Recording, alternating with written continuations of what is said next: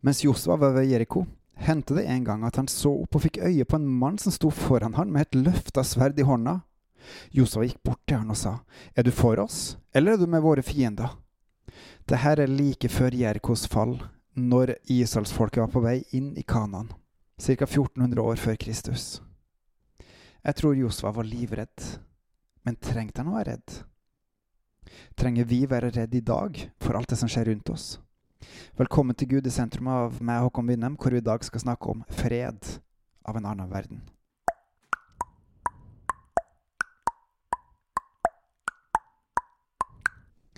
Josva, en av Moses' høyre hender under ørkenvandringa. Han var ny som leder nå, for han hadde nettopp tatt over etter Moses. Og nå sto de på kanten på å innta Jeriko. Den befesta byen som første by inn i det lovede landet som Gud hadde lovt Israelsfolket, først ved Abraham. Like før de skulle innta Jeriko, eh, da slutta mannene å opphøre at den Gud ga den på marka, og de sto ved kanten av å innta, gå inn i Jeriko. Så opplever rett og slett Josva, mens han er ved Jeriko, at han så opp og fikk øye på en mann som sto foran han med en løfta sverd i hånda. Når en mann står med et løfta sverd mot deg, da blir du redd. Da er det noen som har tenkt å angripe. Da er det noen som er i kampmodus. Josva, han gikk bort til han, og så sa han, Er du for oss, eller er du med våre fiender? Han var rett og slett usikker på hvem er denne personen. Er det noen som har tenkt å fighte med dem, eller er det noen som har tenkt å fighte mot han? Det korte, korte svaret etterpå var nei. Er høvdingen over Herrens hær. Nå er jeg kommet. Da falt Josef på sitt ansikt til jorda og tilba og sa til han, Hva har min herre å si til sin tjener? Allerede før denne situasjonen her, så er jeg ganske sikker på at Josef opplevde at Gud var med han, for det hadde han fått løfta på, og han gikk i møte med denne mannen vel vitende om at Gud var med han. Og Derfor så hadde han en fred når han møtte denne fyren. Og samtidig så var han redd. Hva er dette for noe?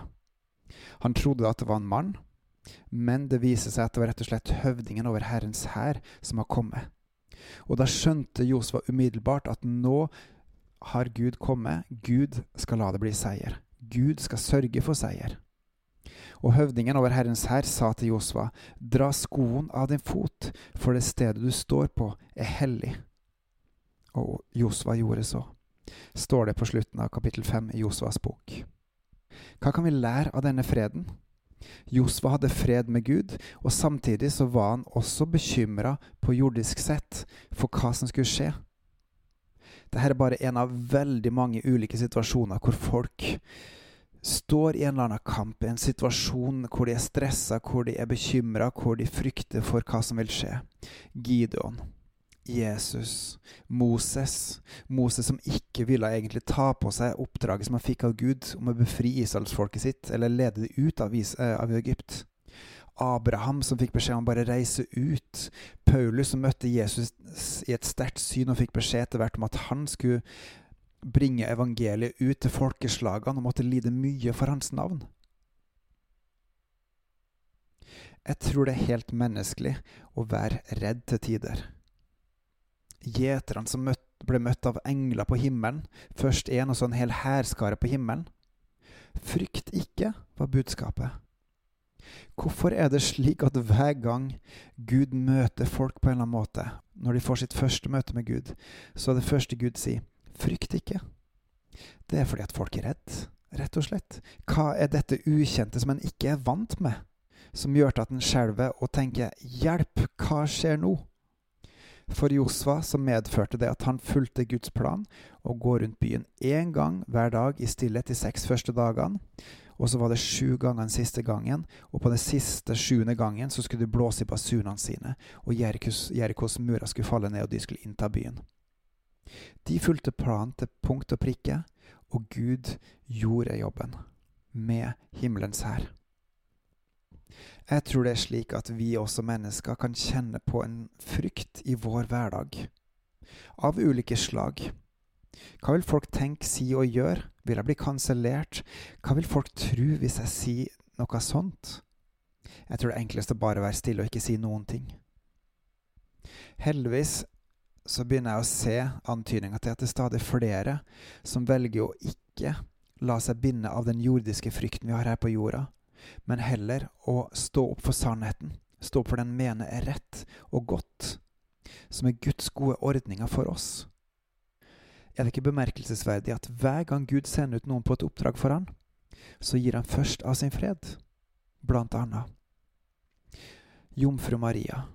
Gud møtte du først og forklarte du at dette er min plan, dette er det jeg vil. Johannes døperen hadde fått beskjed om å døpe med vann, og han skulle være en røst som ropte ut i ødemarken, omvend dere. Og han hadde også fått beskjed om å døpe med vann, og ikke ånd, sånn som den som kom etter han skulle gjøre.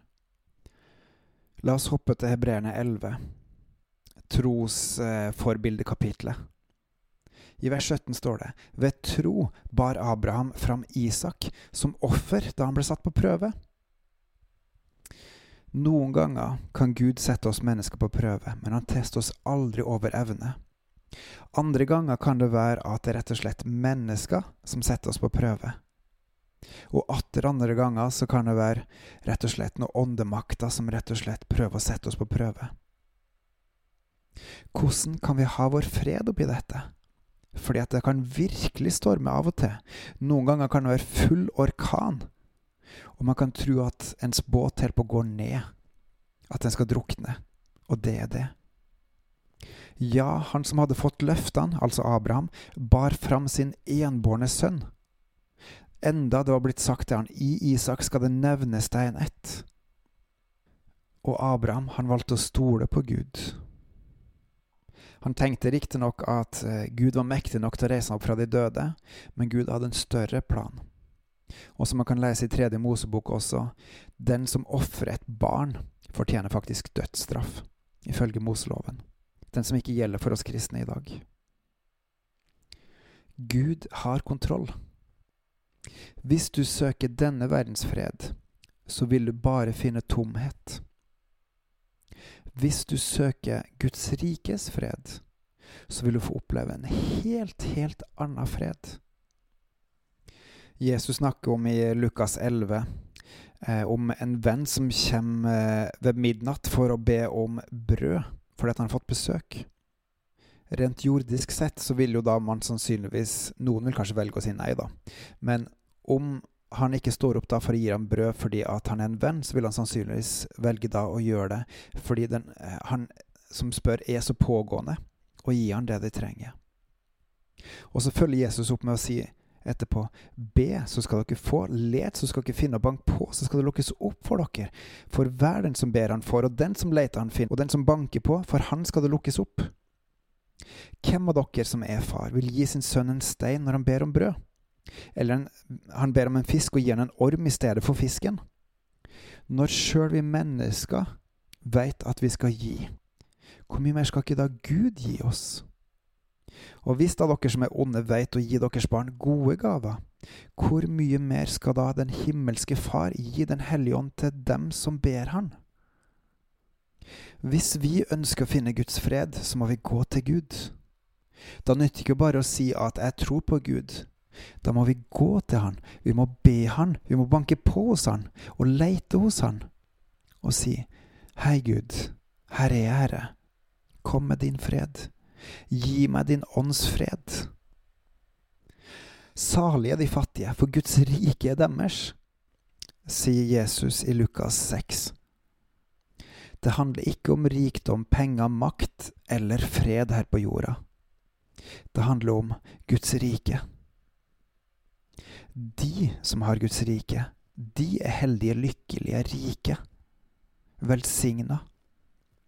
Salige dere når mennesker hater dere, og når de støter dere ut, spotter dere og kaster deres navn fra seg som noe ondt for menneskesønnens skyld. Gled dere på den dagen og spring av fryd, for se stor er den lønn dere har i himmelen. Martha Maria var to søstre som Jesus traff på på en reise. Og mens Jesus var på besøk hos dem, så strevde Martha med å springe rundt og ordne til ting, mens Maria hun satte seg ned med Jesu føtter og lytta til hans ord. Hun valgte den gode del som ikke skal bli tatt fra hun.